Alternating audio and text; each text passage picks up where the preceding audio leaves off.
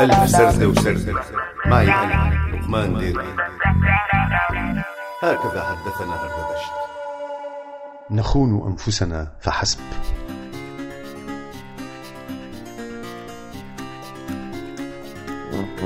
نحن لا نخون أحدا. نخون أنفسنا فحسب. لا تقرأ أفكار الآخرين. اقرأ أفكارك. بخمسين سنة كرهونا بعلم إسرائيل وبسنة كرهونا بعلمنا. في الحقيقة كنا من خمسين سنة حابين نقول إنه بنكره علمنا بس وطنيتنا منعتنا. لولا الهرمان ما كانت المتعة. هل تتذكر أهم أقوالك عندما كنت طفلا؟ هل تعرفت على نص النهائي لا خروج عنه ولا هروب منه؟ المستقبل أن أكون غدا إنسانا أفضل.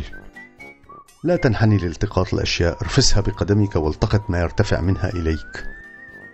حمود وش أول كلمة يقولها المثقف المعارض يا حمود أنا. والثانية برأيي يا عمي.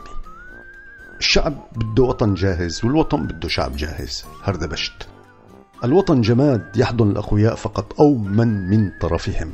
هردبشت هل كنا أقوياء في الوطن أم كنا من جماعة اللي من طرفهم؟ نفريات.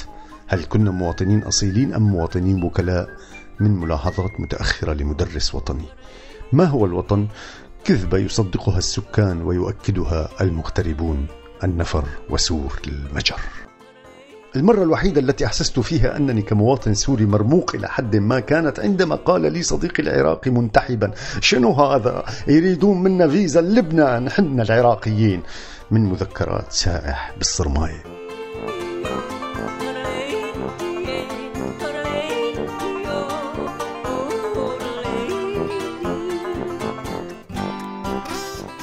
حمود وش أغلى أمنيات النفر الكحولي يا حمود؟ إنه يموت بتشمع الكبد ويخلص يا عمي وإذا مات بالجلطة ما يقبل يا عمي. والكحولي ما ينجلط والكحولي ما ينجلط الحرقة ضد الانسداد يا يابا. عافية يا عمي نعجبك بالعتابة يا حمود. بصحتك يا عمي رشفات من النظام الداخلي لاتحاد الكحوليين المعتدلين. وش رأيك بفيروز يا حمود؟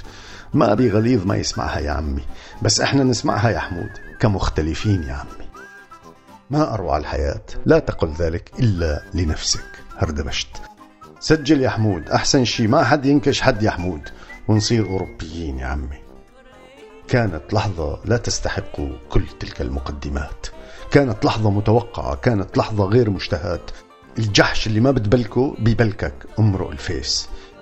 إلهي لا تترك الحقد يتمكن من قلوبنا. كأن تكون وسط الزوابع تهطل الأمطار على شعرك ووجهك يتحرك جسدك محاولا فصل نفسه عن الثياب ترفع قدمك والمياه تسيل من حذائك. تدخل إلى بيت زجاجي وتتنعم بالمياه الساخنة تجلس وتشرب الشاي تنظر إلى الخارج إلى الزوابع والعواصف إلى البرد والمطر تدخن ثم تسعل بشكل لطيف.